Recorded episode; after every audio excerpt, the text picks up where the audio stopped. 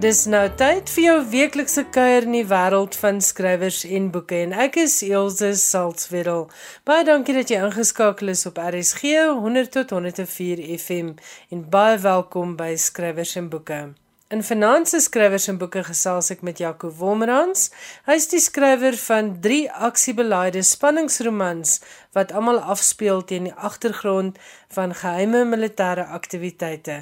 Ek kan die boeke aanbeveel en ek kan ook vir jou sê dis 'n heerlike gesprek wat ek en Jaco gehad het. Hy het met ons gesels daar uit die Kalahari waar hy tans op 'n nuwe avontuur is.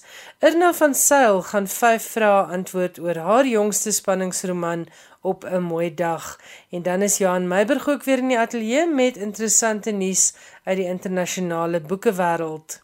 Vanaand kan jy onder andere meer uitvind oor die 5 kategorie wenners van die Costa boekpryse. Hy gesels ook oor 'n Ugandese skrywer wat in die tronk is weens kritiek teen die regering van Uganda en dan 'n bedrieër van verskeie internasionale skrywers wat sy rieme styf geloop het verlede week. Daar's ook 'n kort voorlesing deur die bekroonde skrywer Claire Fuller en sy gaan voorlees uit haar roman Unsettled Ground. Ek hoop jy geniet vanaand se skrywers en boeke. Jy luister na skrywers en boeke, jou belangrikste bron oor Afrikaanse boeke. In finansie hoofgesprek gesels ek met Jaco Wolmerand, se oud joernalis van Kaapstad, wie se eerste roman in 2019 verskyn het. Hy het Bos in 2020 opgevolg met Skag en toe aan die einde van 2021 met U voor. Jaco, goeienaand en baie welkom by Skrywers en Boeke. Maar voordat ons oor jou boeke praat, vertel asseblief so 'n bietjie meer oor jouself. Hi Ilse, um, baie dankie vir die geleentheid. Uh dis 'n besondere voorreg vir my. Um RSG is my my go-to stasie is waarskynlik deel van my skryfproses. Dis in die agtergrond aan terwyl ek werk. Dis my hoofbron van nuus. Uh dis deel van my rotine en rotine is maar wat 'n skrywer maak dink ek. Dis is een van daai goed wat jy moet hê om jouself te kan dissiplineer. Uh, ek is 'n uh, joernalis van beroep opgery op Stellenbosch. Uh, ek het daar um, gegradueer in 87. Ek is uh, beurshouer gewees by Nasionale Pers. Gelukkig gewees om werk te kry by Oosterlig, die destydse Oosterlig wat 'n uh, burger Ooskaap geraak het en het daar hofverslaggewing, misdaadverslaggewing en so voorts gedoen. Is toe terug verplaas Kaap toe. Uh, die enigste pos vir my in die Kaap was uh, by die nagkantoor in die burger wat um, ek nou nie so gekies het nie, maar wat uh in in terugsig waarskynlik een van die beste dinge is wat nog ooit met my kon gebeur het net in terme van wat dit 'n mens leer om akkuraat en op die man af te kan skryf en om vinnig te dink oor goed. Uh dis 'n dis 'n vaardigheid wat my verbasend genoeg uh in baie gevalle nog in latere jare bygebly het uh, wat wat verskriklik waardevol was in my skryfwerk. Na so 3 jaar by die burger het Sanlam se reklameafdeling iemand gesoek om by die plaaslike personeelblad um, as uh, assistent direkteur waar te neem. Ek het die pos gekry. Heel per toeval was my my direkteur Dion Meyer uit my aangestel en sy hoof was uh Rudy van Rensburg. En daardie stadium het nie een van die drie van ons enige skryfambisie gehad nie in elk geval nie, nie nie wat ek van geweet het nie. Maar dit was weer eens een van daai goed wat op 'n mens se pad gestuur is seker. Uh Dion het nie lank daarna in sy eerste manuskrip uh, geskryf ingedien en is aanvaar en het jubelend by kantoor ingekom. Dit was waarskynlik die keerpunt vir my gewees. Ek het gesien hoe hoe en ekstase was oor oor die stuk skryfwerk wat waarskynlik 'n uitmergelende ding was wat uiteindelik uitgekom het en aanvaar is en uh, dit het dit het bly steek by my. Ehm um, dit het nog 'n paar jaar geneem voor ek self pen aan die aan papier geslaan het met Dion se aanmoediging en uh, die die eerste romanse wat ek begin skryf het uh, het het maar nog net so op die rak bly lê. Ek het dit besef dit is gaan nêrens heen en ek het dit gestaak en met ander goed aangegaan. Ek het toe intussen 'n paar kortverhale geskryf wat in huisgenoot gepubliseer is. Weereens vir tot my verbasing, ek het nie gedink dit is enigstens 'n kans sou gewees om om enigiets gepubliseer te kry nie, maar dis in en dit het mense laat moed skep en ek het uh, nog 'n paar geskryf. Hulle is almal aanvaar, is almal gepubliseer gewees en maar dit was dit. Dit het baie baie jare geneem en ek dink dit was 'n noodsaaklike proses gewees dat dit jare moes neem om om 'n mens mens te maak, om 'n mens lewenservaring te gee, om jou 'n opinie te gee sodat jy kon skryf oor dinge. Die keerpunt was waarskynlik baie jare daarna in 2017 toe ek in Mosambiek gereis het en die opwelling van ek wil skryf net tot 'n punt gekom het. Dit was 'n lang proses geweest om daar te kom en een wat baie subtiel gebeur het. Almal wat joernalis is of ooit journalistiek gepleeg het, sê altyd eh, ja, ek wil nog eendag 'n boek skryf, maar en, en dis waar dit bly. In my geval het my pad weggeloop van die journalistiek af. Na ek by Sanlam weg is, het ek 'n vryskutskrywer, fotograaf en later 'n videograaf geword. My werk is grootliks deesdae in landbou. Ek, ek neem fotos en skiet koöperatiewe video's vir omtrent uitsluitlik vir die uh, landboubedryf. Um, wat heerlik is want dit dit los my om op plase rond te ry en fotos te neem. Dit is 'n dit is 'n onbeskryflike ding om 06:30 die oggend die son te kan sien opkom oor wingerde in die Noord-Kaap of in die middel van die winter appels met dou op in grabboute kan afneem. En ek sê dit omdat dit trek by my prentjies op van goed wat ek gesien het in my lewe en ervaar het en geryk het en en gehoor het en wat 'n onlosmaaklike deel van die skryfwerk geword het. Wanneer 'n mens so op die sintuie ingestel is, te grootliks die visuele, uh, en jy vir iemand moet beskryf hoe dit lyk of of 'n kliënt moet vir jou beskryf wat hy soek om in 'n foto te wees, leer jy om die visuele in woorde te kan omsit en ek dink skryfwerk is die teenoorgestelde rigting, dieselfde proses. Ek het nou ge vroeër genoem ons is hier in die Kalahari en dat dit deel is van my skryfwerk om hier te wees. Ek vind ek oefen dit. Ek het ver oggend gery, uh hier's 'n vierwiel trek gedeelte van die park waar ons deurry wat daar geen ander karre is nie. Dit is letterlik net jy in die die klank van wind deur suurgras ehm um, die reuk van suurgras wat eintlik soet is, snaaks genoeg, en die reuk van sand. En ek probeer in my kop te beskryf, hoe is dit hier? As ek dit in 'n boek moes sit, wat is die woorde wat ek sou gebruik om die, die geruis van klank deur die die bome hier om ons te beskryf? Wat ruik ek? Ehm um, ek probeer dit in in my skryfwerk vir 'n leser om te sit in woorde dat hy homself kan kan plaas onder daai boom sodat hy kan ruik wat ek ruik. Ek probeer dit so visueel en so sensories te maak uh as wat ek kan. Ek het byvoorbeeld in in Bos my eerste boek ek was op die grens, ek het diens gedoen daar, maar ek het nie patrollie gestap nie. Ek het niks gedoen van wat die mense wat werklik in die in die hitte van die stryd was ervaar dit nie. En ek het dit gemis in my skryfwerk want ek probeer in alles wat ek doen myself plaas by 'n plek waar ek ek self was om met met werklik met autoriteit te kon skryf oor daardie ervaring uh op op alle vlakke op sensoriese en kennis en ehm um, en selfs die reuk van die plek. En een van my bronne was iemand wat uh in die uh spesmagte gedien het. Ek het hom gaan sit met hom en gevra vir hom jong wat het jy gehoor as jy in die nag wegkruip en jy moet by 'n plek uitkom en jy weet jy kan nie loop nie. Waarna luister jy?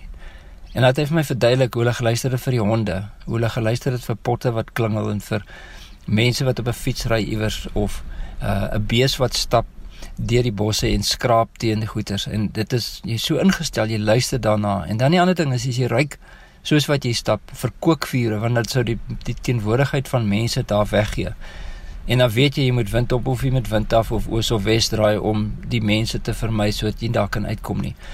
Hierdie ding het by my gebly dat dat as jy vir mense kon skryf wat nie daar was nie en jy kan dit op so 'n manier doen, doen dat jy wat nie daar was nie dit oortuigend kan doen, dan slaag jou skryfwerk.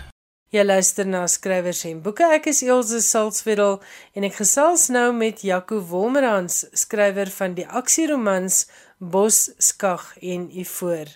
Jaco, jy het vroeër kortverhale geskryf, maar hoe gebeur 'n roman toe nou en hoe verskil die twee genres? En hoekom jy 'n spanningsromans wat afspeel teen die agtergrond van die Bosoorlog en geheime militêre operasies?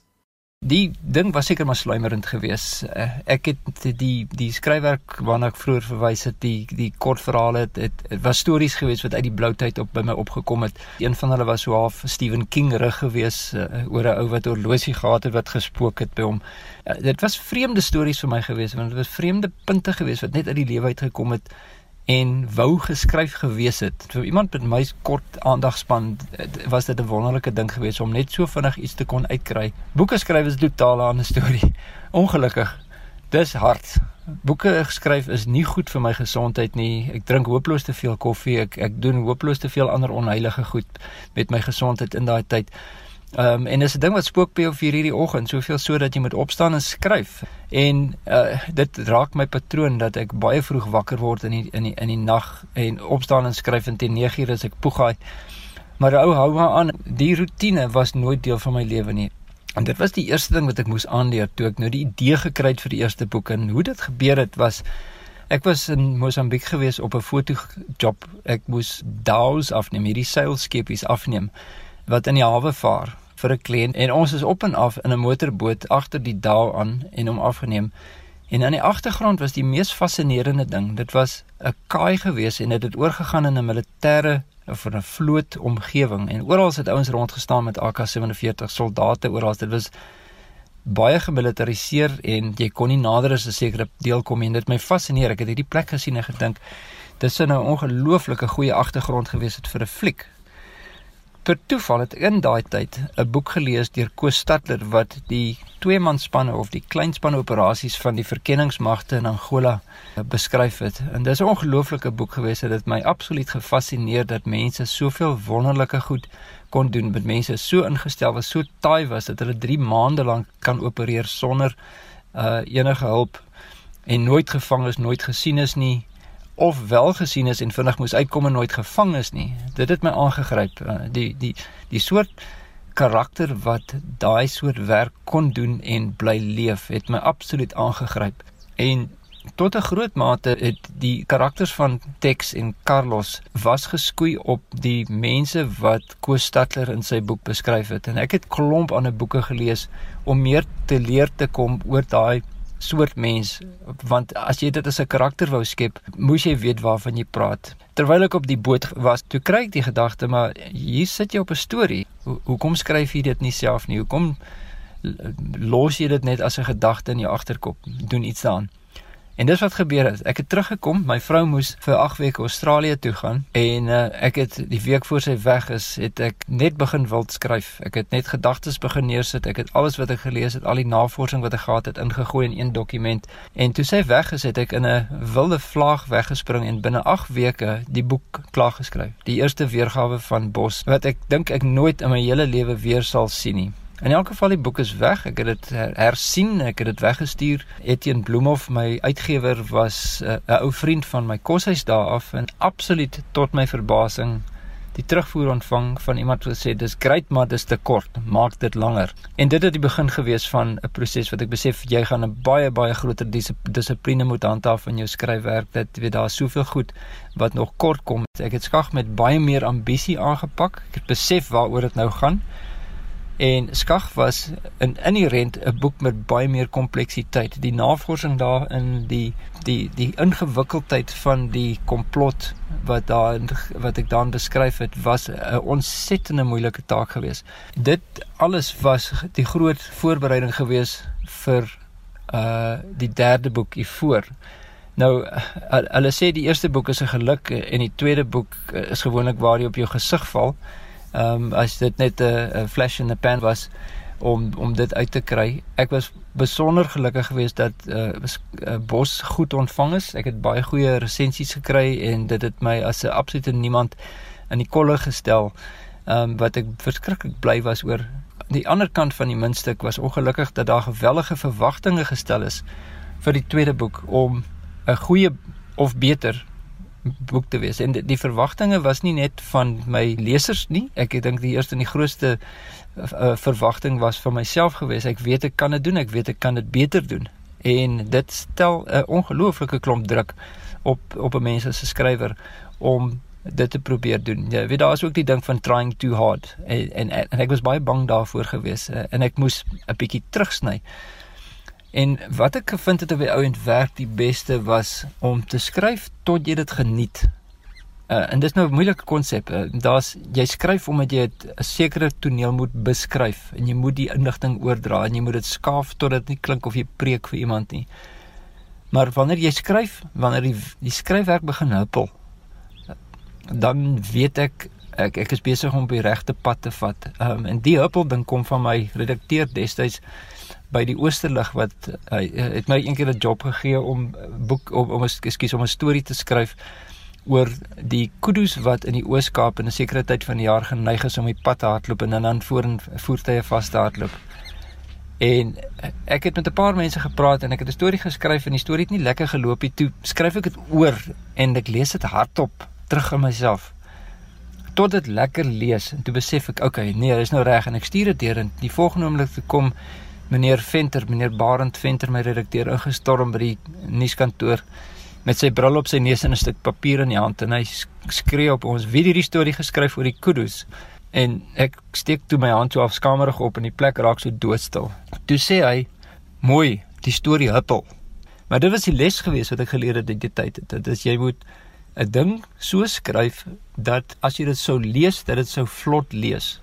En die enigste manier hoe ek kan uitkom by so 'n 'n 'n vlot of vloeiende leesstyl of skryfstyl is om to let go om net te skryf om die storie uit te kry en nie te vreeslik te bekommerd te wees oor hoe dit lyk nie. Jy kan dit altyd regskryf, maar jy moet dit eers skryf. Um en 'n mens vergeet dit. Uh jy skryf en jy dwing jouself in in hoekies in en jy moet jouself daar weer uitskryf. Maar ek probeer myself telkens herinner daaraan skryf omdat dit lekker is en skryf tot dit lekker is. En dan sal die die prosa regtig vloei. Uh wat die militêre agtergrond of genre betref, uh, die, die rede hoekom ek daarin is is ek dink primêr omdat daar's vir my min uh, bevredigende werk in Afrikaans in dieselfde genre. Uh, daar's baie bosoorlogboeke en daar's baie misdaadfiksie. Daar's niks vir wat die twee noodwendig aan mekaar bind nie. Daar is niks wat daai middelgrond van uh conspiracy theory stories bymekaar kan bring nie. En, en dis wat my fascineer. Ek lees graag goed wat ek kyk op TV. Dit is my dis my maatstaf. En ek ek probeer om iets te skryf wat mense wat soos ek is, wat dink soos ek, wat hou van die goed wat ek van nou uh, ook graag sal lees. En dis 'n waagstuk. Ek weet nie of dit oral aanklank vind nie, maar ek probeer om dit te doen op so 'n manier dat ek krimi uh en bos en uh gevegstonele en alles kan inkorporeer in en moderne tegnologie en spionasie middele en alles kombineer in iets wat fascinerend is, iets wat totaal en al buitekant enige van ons se verwysingsraamwerk staan. Dit moet so vreemd wees dat jy kan nie help om dit te lees nie of jy 'n man of vrou of kind of uh, oupa is nie. Ek aanvaar jy lees seker baie as deel van jou navorsing. Wat lees jy alles? Uh, ek het ongelukkig nie genoeg tyd om alles te lees wat ek graag wou nie. Uh en wanneer ek lees, lees ek meestal nie fiksie. Uh ek probeer stories lees en geskiedenis lees oor spesifieke goed wat ek graag wil gebruik as agtergrond in 'n volgende uh romans. Ek lees ook baie Engels. Uh, een van my grootste invloede is seker Andy McNab en die die die mense wat skryf oor die ek was daar tipe genre. Ehm um, mense wat in die in die gewapende magte gedien het, spesifiek spesiale magte ons. Dit bly maar 'n fascinasie. Mense is steeds absoluut vasgevang deur die soort mens wat spesiale magte of dark ops of black ops of enige van hierdie goed doen. Ek weet nie hoekom nie. Miskien omdat dit onwettig is in sommige gevalle, miskien omdat die ouens in absolute ekstreme kondisies uh agter die vyandelike linies moet werk die die bo-menslikheid daarvan trek my aan die die against all odds daarvan dat die dat die die ouens ingaan 'n baie moeilike job doen en kan uitkom sonder om gevang te word of net 'n paar skrape op te doen. Dit bly 'n wonderlike storie vir enige fliek, vir enige boek. Ehm um, as as sulks ehm um, lees ek graag uh boeke van mense wat in die militêre magte was. Ehm um, ek is nou besig met navorsing vir 'n vierde boek waarna ek baie sterk gaan steun hierop en reeds met mense en selfs in die Amerikaanse gewapende magte kennis gemaak het en en bietjie gesels het om om goed uit te vind. As jy wonder met wie ek gesels hier in skrywers en boeke, dit is Jaco Wolmerans, skrywer van Bos, Skag en Ivoor. Jaco, gee asseblief vir luisteraars 'n oorsig van jou 3 boeke. Bos was die resultaat van wat ek nou pas oor gepraat het. Die spesiale magte, die verkenningsmagte van die laat jare 80 is opgedeel in die rekkie spanne wat ek nou nie op gaan sal ingaan nie. Maar een deel van hulle was mense wat hulle genoem het pseudo ops dit is soldate wat opgelei is om spesifiek in vyandelike klere in vyandelike gebiede met vyandelike wapens te werk, hoogs gevaarlike werk. Hulle werk was om insypelende vyandige magte te agtervolg vanuit Angola deur destydse Suidwes en dan hulle posisie te rapporteer sodat die ouens aangetree kon word. In Bos uh, is my twee karakters Tex Texera en Carlos Vieira uh die die twee soldate wat opgelei is om hierdie werk te doen en wat uh in ingegooi word diep in Angola mense volg en so voort. Bos speel nie heeltemal af in die Bosoorlog se tyd self nie. Dis eintlik 'n hedendaagse storie. Wat dan gebeur is na die oorlog verby is, is Tex en Carlos gaan hulle paai uitmekaar uit en Carlos verdwyn, letterlik verdwyn en baie jare daarna skielik uit die bloute uit word 'n Tex getaak of gevra deur militêre intelligensie om hulle te help om Carlos te gaan uithaal uit Mosambiek waar hy 'n renosterstroper, 'n poacher bos geword het. Tex glo nie dit is moontlik nie, dit strook nie met die karakter van Carlos nie wat uh, sy beste vriend, sy mentor was wat hom basies grootgemaak het in die bos. Hy glo dit nie en um, hy stem in om dit te gaan doen. Um, ek spring dan vorentoe na u voortoe en dit is die opvolg vir Bos. Dit is na die afloop van die Mosambiekse operasie Tex en Carlos is terug in Suid-Afrika. Hulle die die bad guys lekker op hulle heli gegee. Ehm um, maar Carlos is moeg. Ehm um, so vroeg in die boek is hy in u voor uit die prentjie uit. Hy verdwyn los vir Tex met Helena sy nou verloofde um, om uh, 'n nuwe saak aan te pak waarvoor Carlos beslis nie lus is nie en nog minder is Tex want dit gaan oor geld wat stelselmatig teruggebring word na die land toe uh in Suid-Afrika uit, uit die Isle of Man. Ehm um, dit word opgetel deur die inkomste diens. Hulle weet nie wat om daarvan te maak nie. Hulle vermoed dit iets te doen met die destydse militêre intelligensie operasies van die 80ers. Hulle vra MI, weet julle iets hiervan? MI sê ons het nie 'n klou waarvan julle praat nie en uh ons beter hierna kyk. Ehm uh, maar hulle weet nie waar om te begin nie en Helena kry die werk om die goed na te speur. Sy vra Tex se hulp en Tex grawe hom net self dieper in. Dit raak 'n baie komplekse storie wat baie mooi opgelos word gelukkig vir my, maar dit was 'n komplekse storie om te skryf omdat dit werklike valuta beheer uh, materiaals ehm um, gebruik as agtergrond werklike wetlike aspekte van trusts en kindertrusts en so voort wat ek moes gaan leer oor uh, dit bevat werklike audit besonderhede wat ek ook moes gaan oorleer. En ek het met verskeie deskundiges in me, meer militêre en in uh, forensiese ondersoeke gesels soos hulle sê the truth is stranger than fiction. In elk geval in, in die voorspeur teks hierdie geld in die goed na en in in en hy word dit word 'n moeilike situasie vir hom. Hy was in persoonlike gevaar Helena is in persoonlike gevaar.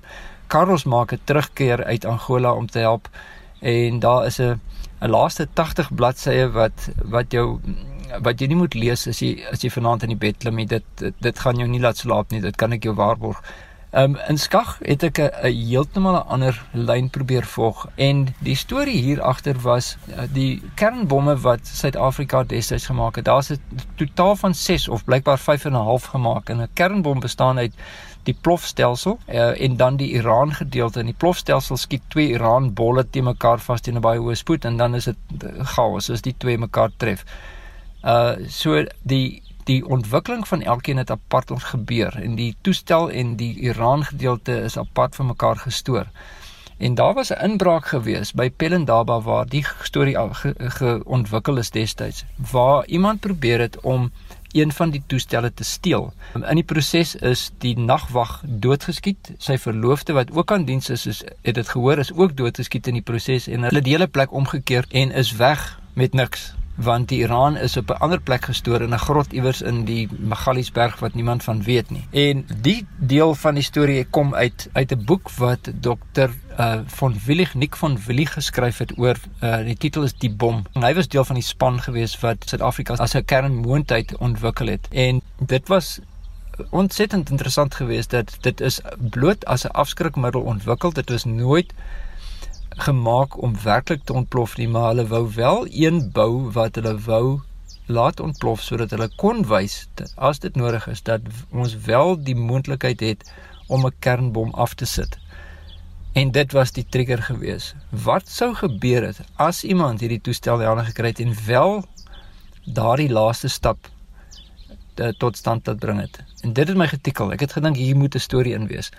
Terselfdertyd het ek uit 'n boek wat Henny van Vuren geskryf het destyds oor die smokkel van wapens uh, in die apartheidsera. Ek het met Henny gepraat en gevra, is daar enige iets wat daar gebeur het wat nooit opgelos is nie? Ek soek iets as 'n storie wat ek kan haak aan aan 'n ander storie en so aan. En toe sê hy, ja, gaan kyk na die storie van die Pia Vesta. En die die Pia Vesta uh, wat uh, was 'n skip gewees wat in die Noordsee in die in die hawe ehm um, in in 'n hawe gelaai is met wapens wat wat Suid-Afrika gekoop het van die Oos-Duitsers met die KGB se kennis en toestemming. Nou dit is al klaar in die laat 80's was 'n vreemde ding gewees. Hoekom dit ooit toegelaat is toe ek die toe jy nie my op die storie uh dui en ek en ek opwys en ek gaan dit nalees en so en toe besef ek maar hang on hier is nou hier is nou 'n lekker storie ek kan dit mos nou kombineer met die storie van professor van Willig se uh die politieke reperkusies van 'n kernwapen afsit. En dit is hoe ek die twee stories kombineer het. En my karakter Jos is 'n uh, 'n uh, lid van vier rekkie in Langebaan. Hy's 'n hy's 'n seesoldaat um, maar 'n verkenningssoldaat en word getaak om die vrag uh is uh, wapens wat van die hawe in in die Noordsee afgevoer word uh, te vergesel. Wat hy nie weet nie is dat daar ook 'n uh, uh, vrag verrykte Iran aan boord is wat weggesteek is uh onder die wapens. Ten slotte, ek het gelees dat daar 'n spesifieke prikkel was vir Ivoor. Vertel asseblief vir die luisteraars daarvan. Uh, wanneer ek begin met navorsing, uh, lees ek so wyd as wat ek kan, ehm um, en met die oog om 'n spesifieke punt uit te lig of meer duidelik te maak en soms in daai tyd kry jy iets wat heeltemal averegs is wat net van 'n kant af kom, onverwags en dit verander die hele prentjie. En in die voorste geval was dit wat presies wat gebeur het. Ek was besig met navorsing nog verskag gewees. Uh, en ek praat toe destyds met die uh, voormalige uh, hoof van executive outcomes wat in Angola geopereer het, uh, Eben Balo, baie bekende man in die militêre kringe en hy noem heeltemal terloops dat destyds toe Suid-Afrika UNITA ondersteun het in Angola het baie van die wapentuig wat ons aan hulle verskaf het is betaal met ivoor en dat dat die proses redelik hand uitgeruk het dat die ivoor nie net opgetel as dooie olifante was nie maar dat daar van hulle geskiet is sodat hulle kon uh kontant genereer om te betaal vir die uh vir die wapens. En Eben was van mening dat daar was in die tyd toe hy daar was gerugte dat van ons generaals hulle self gehelp het en dat daar 'n hele smokkelproses en 'n netwerk aan die gang gesit is om hierdie uh hier voor nie net te bekom nie maar ook om mense te bemagtig om te gaan skiet sodat hulle meer daarvan kon kry. Ehm um, en, en dit het baie lelike ding uitgedraai. Ek het daar is mense dood in die proses uh, terwyl hulle die stories probeer stilhou destyds. Daar was twee kommissies van ondersoek gewees. En dit natuurlik vir my was absolute ryke stof geweest. Ek uh, as ek so iets kry dan verslind ek alles wat ek kan. En dit was die basis geweest vir die voort. Dit was 'n storie wat net moes geskryf gewees het. En en en, en dit het my ook 'n geleentheid gegee. Jy weet, ons is geneig om te skryf oor korrupsie en ons is geneig om te skryf na Jacques Pau se boek uitgekom het oor hoe verskriklik korrup ons hele samelewing is. Ek wou ook in 'n gewys het dat dit is nie net ons moderne samelewing wat wat korrup is nie, dat daar was baie baie meer gevalle van korrupsie destyds wat miskien net nooit aangeraak is nie net omdat die mense onaantastbaar was. Soortgelyke scenario's vandag seker, maar die pers was nie so onafhanklik soos wat dit is nie. Die media kon mense nie destyds aanvat sonder geweldige reperkusies vir hulself nie. En die man wat so entoesiasties oor sy skryfwerk gesels is Jaco Wolmerans. Jaco se drie romans, Bos, Skag en Ivoor, word uitgegee deur Tafelberg. Op 'n mooi dag is die vierde roman uit die pen van Irna van Sail. Dit volg op Moordvis, Gifbeker en Bloedsteen. Ek het vir Irna 5 vrae oor haar nuwe boek gevra. Irna, op 'n mooi dag is iets heeltemal anders as jou vorige 3 romans. Nuwe karakters en 'n paar heeltemal uiteenlopende storielyne. Vertel asseblief vir luisteraars waaroor gaan dit? Hallo Ilse, ja baie dankie. Ehm um, op 'n mooi dag is anders as my vorige boeke. Dit daar is nie meer verstorm van 'n Merwe en Andreas Moerdijk wat uh, in 'n reeks is nie. Hoewel ek nog nie klaar is met hulle nie, die volgende boek is reeds en weggeskryf wat weer oor storm en en moeilik sal gaan. Maar op 'n mooi dag gaan speel af in die Kaap en in Damboersdorp spesifiek. Dit gaan oor twee vroue wat saam woon, Lou Rood en Christine Liebenberg. En dan een aand um, kom Lou nie huis toe, sy is 'n sakevrou na 'n werksfunksie nie. En Christine begin haar vreeslik bekommer oor waar Lou is en besluit om haar te gaan soek. Maar wat ook hiermee verband hou is is dat Lou se ma 21 jaar van tevore in die huis in Tamboerskloof of voor die huis in Tamboerskloof gekaap is en ehm um, dit het tot 'n vreeslike ontsteltenis vir, vir Lou gewees wat alles gesien het natuurlik en uh, het haar sielkundige baie groot knou gegee. Was daar 'n spesifieke prikkel vir op 'n mooi dag? Ja, daar was nie eintlik 'n spesifieke prikkel nie. Uh, ek sê altyd uh, ek kom uit 'n tamelike neurotiese familie en ehm um, as iemand nie by my is wat vir wie ek lief is nie, dan bekommer ek my oor oor hulle of oor paar of hom ehm um, eh uh, dat hulle weer veilig sal tuiskom. En om een of ander rede was daar altyd hierdie dinge in my kop uh, wat gegaan het oor die dag toe my ma voor die huis gehijack is. Uh, dis 'n sinnetjie wat in my kop was en ek het hierdie twee gedagtes bymekaar gebring en 'n sielkundige thriller geskryf wat 'n bietjie anders is as die gewone polisie prosedure wat soos ek gesê die storm en moordwyk stories is. Die boek bestaan uit 'n klomp baie kort hoofstukke, party net 'n bladsy lank. En dit is geskryf uit die perspektief van die verskillende karakters. Wat het jou hierop laat besluit? Die kort hoofstukke um, is interessant. Dit het uh, amper toevallig gebeur. Die grootste deel van hierdie boek is geskryf in die eerste tydperk van die inperking en ehm um, my aandagspan was maar kort geweest. Ek kon nie baie lank konsentreer nie en uh gevolglik het die hoofstukke kort gebly en ehm um, en ek dink dit het gehelp ook om uh, spanning te skep en en ek was jy weet nogal bly dat ek die tegniek gebruik het. Hoe werk jou skryfwyse? Plot eerste en dan navorsing en doen jy jou navorsing vooraf of deurlopend? Vertel vir ons 'n bietjie oor jou skryfproses. Baie dikwels ehm um, kry ek 'n vonk van 'n idee, dan begin ek die karakters ontwikkel rondom daardie idee en en die begin die idee meer uitplot en dan uh, besluit ek gewoonlik ook waar dit moet wees en waar dit afspeel en dit behels baie keer navorsing ekstra navorsing wat natuurlik 'n probleem was in die inperkingstyd of die grendeltyd.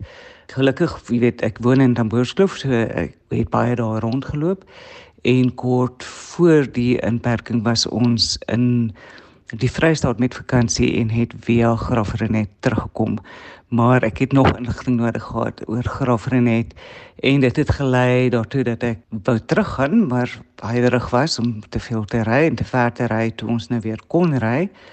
So my suster het vir my uitgebreide notas geneem van wat ek wou geweet het soos waar is die vallei van verlatenheid in verhouding tot die dorp en meer inligting oor die dam, hoe kom 'n mens by die dam uit van die dorp en hoe by die dam En toe was ek gelukkig terwyl die boek geredigeer is, kon ek toe teruggaan Grafrenet toe vir die opening van my vriendin Mishane Greenie se kunsuitstalling daar. En toe het ek nou 'n dag of twee ekstra gebly om rond te ry en seker te maak dat die feite in die boek reg is. Irna van Sail, hierdie is jou 4de roman. Die groot vraag is natuurlik nou word skryf makliker en wat het jy geleer met op 'n mooi dag?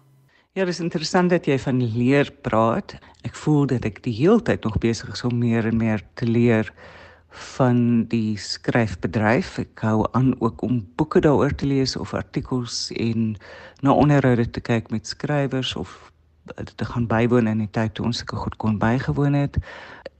Dit word nie eintlik makliker nie.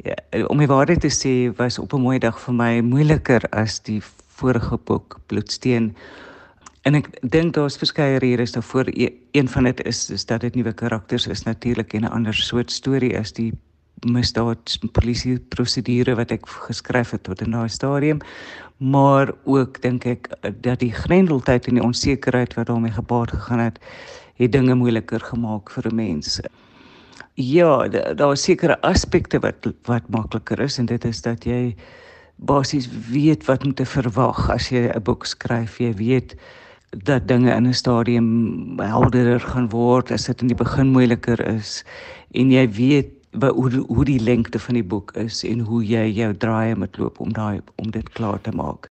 Dit was Erna van Sail en sy het vir my 5 vrae geantwoord oor haar roman Op 'n mooi dag. Dit word uitgegee deur Penguin Random House. Skrywers en boeke. Elke Woensdag aand tussen 8 en 9. Die groot nuus uit die internasionale boekewêreld is dat die 5 kategorie wenners van die Costa-pryse onlangs aangekondig is. Johan Meiburg is nou hier met sy weeklikse insetsel. Hy gaan vir ons meer vertel oor hierdie wenners en Claire Fuller gaan voorlees uit haar wenroman Unsettled Ground. Daar's ook nuus oor 'n Ugandese skrywer wat tronkstraf uitdien vir kritiek teen sy regering en jy kan meer uitvind oor The Spine Collector en dit is die bynaam vir die man wat internasionale skrywers getuister het met 'n ietwat ongewone soort bedrog. Hier is Johan Meiburg. Die wenners van die 5 kategorieë waarin die jaarlikse Costa-pryse aangekondig word, is pas bekend gemaak. Maar die afwagting is nog nie heeltemal verby nie. Einde van die maand word uit die 5 wenners die wenner van die 2021 Costa Boek van die Jaar aangekondig. Die pryse wat deur die koffiereus Costa geborg word, word gereken as een van die 10 groot literêre pryse vir verdienstelike boeke deur Britse en Ierse skrywers. Voor 2006 het die prys bekend gestaan as die Whitbread-prys. Die wenners van die kategoriepryse ontvang sowat 100 000 rand elk en die algehele wenner 625000. Die vyf kategorieë is vir roman, debuutroman, biografie, poesie en kinderboek. Claire Fuller is die wenner van die romanprys. Met haar 4de roman Unsettled Ground, die verhaal van die 51-jarige tweeling Jeannie en Julius wat in armoede en afsondering tot en met hul ma se dood geleef het, het Fuller die prys verower.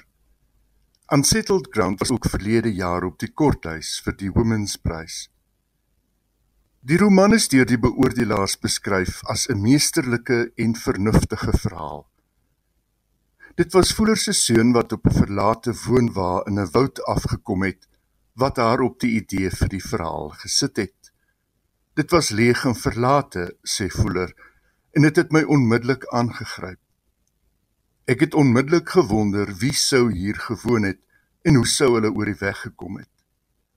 Daarin dan het die karakter Jeannie begin vorm aanneem sonder dat ek geweet het wat haar storie is of waar sy vandaan kom of dat sy 'n tweelingbroer het. Dit het ek eers besef toe ek begin skryf het. Fuller se eerste roman, Our Endless Numbered Days, het in 2015 verskyn. Daarna het gevolg Swimming Lessons van 2017 en Bitter Orange in 2018. Caleb Azuma Nelson is aangewys as die wenner in die kategorie vir debuutromans. Met Open Water, sy roman oor die lewe van twee jong swart Britse kunstenaars, die ene fotograaf en die ander ene danser, gee Nelson volgens die beoordelaars 'n roerende en intieme blik wat so eie is aan die hede. Nelson, 'n Brits-Kanese kortverhaalskrywer en fotograaf, het sy werk in 'n Apple Store prysgegee om 'n jaar lank in die British Library aan sy roman te sit en werk. Caleb Zuma Nelson se Open Water word uitgegee deur Viking. John Preston het die biografieprys verower met Fall: The Mystery of Robert Maxwell, 'n boek oor die lewe van die Britse mediamagnaat. Die boek word beskryf as 'n epiese, indringende en filmiese weergawe van die lewe van Robert Maxwell. Die poesieprys is toegekend aan Hannah Lowe vir haar bundel The Kids, geskoei op haar ervaring as onderwyseres in Londen. Die bundel uitgegee deur Blood Axe is verlede jaar ook benoem vir die T.S. Eliot Prys. In die kategorie vir kinderboeke het Manjit Man die prys verower met The Crossing, 'n verhaal in versvorm waarin die vlugtelingkrisis aan die orde kom. Die wenner van die Costa Boek van die Jaarprys word op 1 Februarie aangekondig.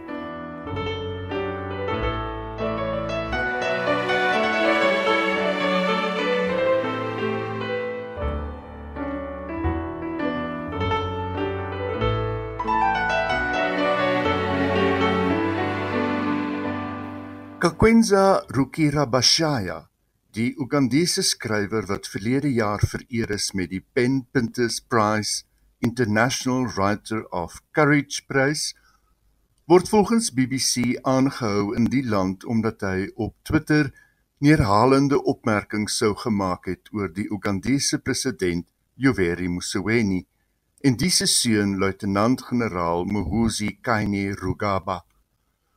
Volgens berigte het hy na die generaal verwys as dik en bygevoeg dat die Musewenis enorme lyding in die land teweeggebring het. Rukira Bashaya is die skrywer van die satiriese roman The Greedy Barbarian waarin hy korrupsie onder hoëgeplaastes in 'n fiktiewe land beskryf en Banana Republic where writing is treasonous sy weergawe van sy aanhouding en marteling terwyl hy in 2020 in aanhouding was. In laasgenoemde boek skryf Rukira Bashaya as jy in Afrika fiksie skryf, spesifiek politieke fiksie soos in die politieke allegorie Animal Farm van George Orwell, gaan die leiers altyd dink dat jy oor hulle skryf. En natuurlik gaan elke diktator vermoed dat die skrywer bedoel om hom in die verleentheid te plaas. Yoweri Museveni, die president van Uganda, het gevoel dat ek kom teiken en hy het sy trawante gestuur om my te arresteer en te martel met die doel om my kreatiwiteit aan bande te lê. Die bedoeling was om my volledig te verhoed om verder te skryf, skryf hy in die boek. Daar is jare lank al gerugte dat die 77-jarige Museveni wat sedert 1986 in Uganda aan bewind is, besig is om sy seun voor te berei om hom op te volg.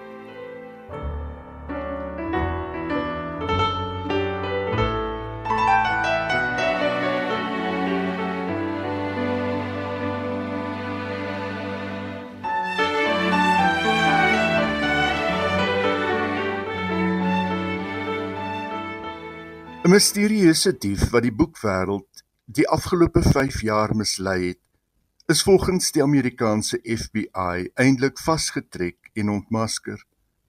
Die man, Filippo Bernardini, 'n werknemer van die uitgewer Simon & Schuster in Londen, is verlede week op die JFK lughawe in New York aangekeer en word nou aangekla van bedrog en identiteitsdiefstal. Die klagstaat sluit in dat Bernardini slim fop domeinname vir onder meer Penguin Random House gebruik het en hom voorgedoen het as agent en redakteur in 'n poging om skrywers so ver te kry om aan hom manuskripte voor te lê.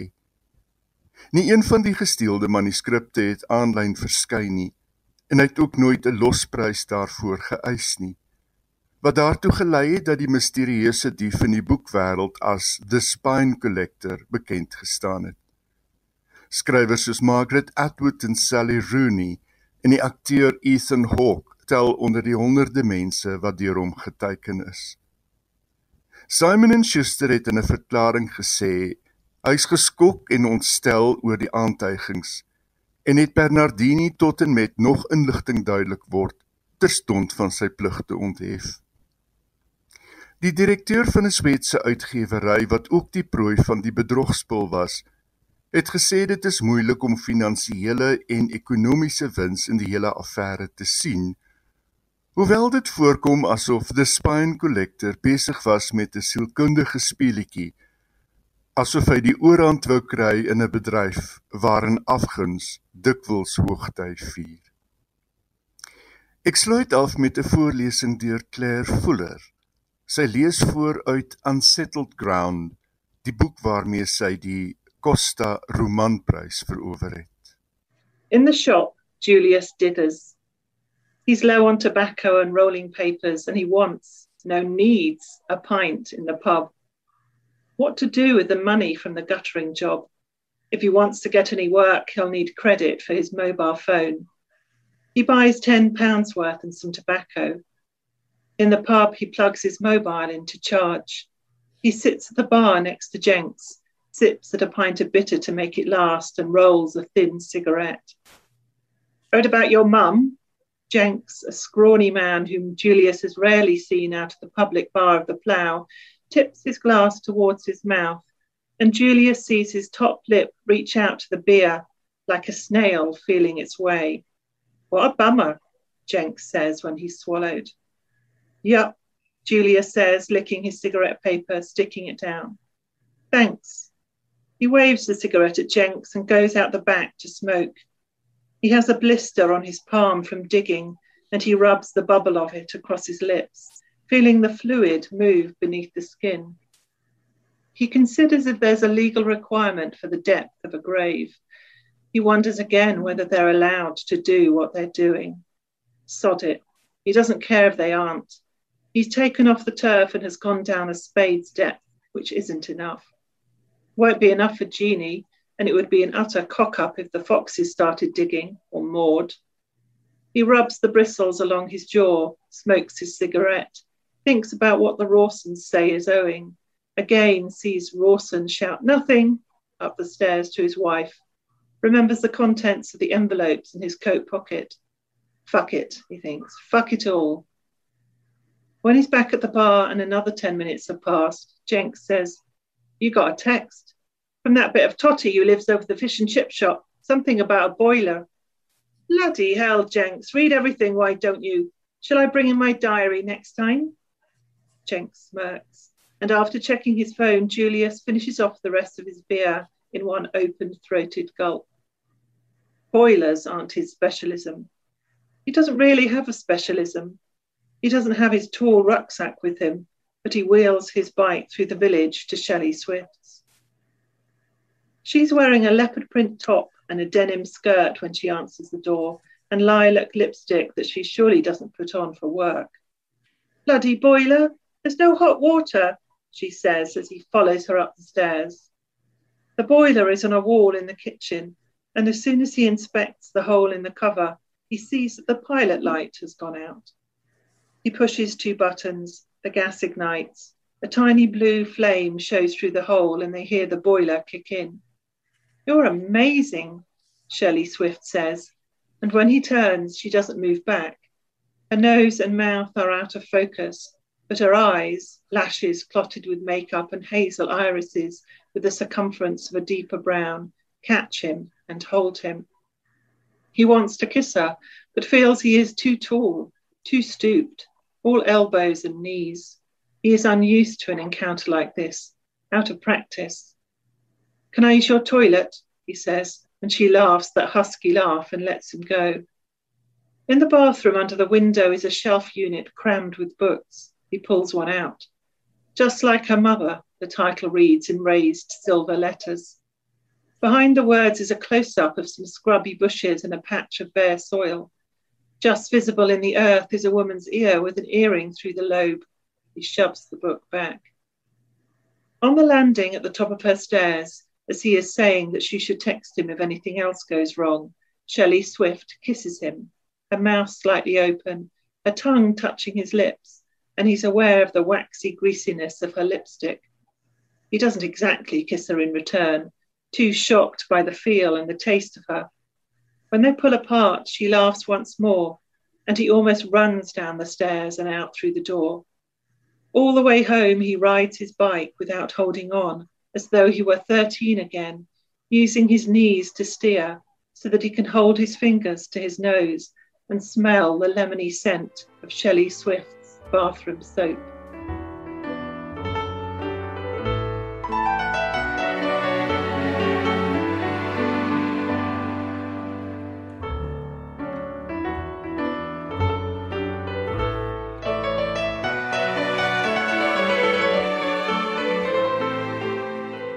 En daardie stem behoort aan Claire Fuller. Sy het voorgeles uit haar roman Unsettled Ground.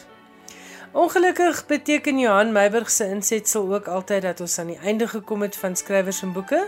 Baie dankie dat jy saam geluister het en volgende Woensdag aand is ek en Johan weer terug. Weer dieselfde tyd, 8uur die aand en net hier op RSG. Ek groet jou met die woorde van die Amerikaanse skrywer Lloyd Alexander. Hy het gesê: "Hou net aan met lees. Dis een van die wonderlikste avonture wat 'n mens kan hê." Totsiens.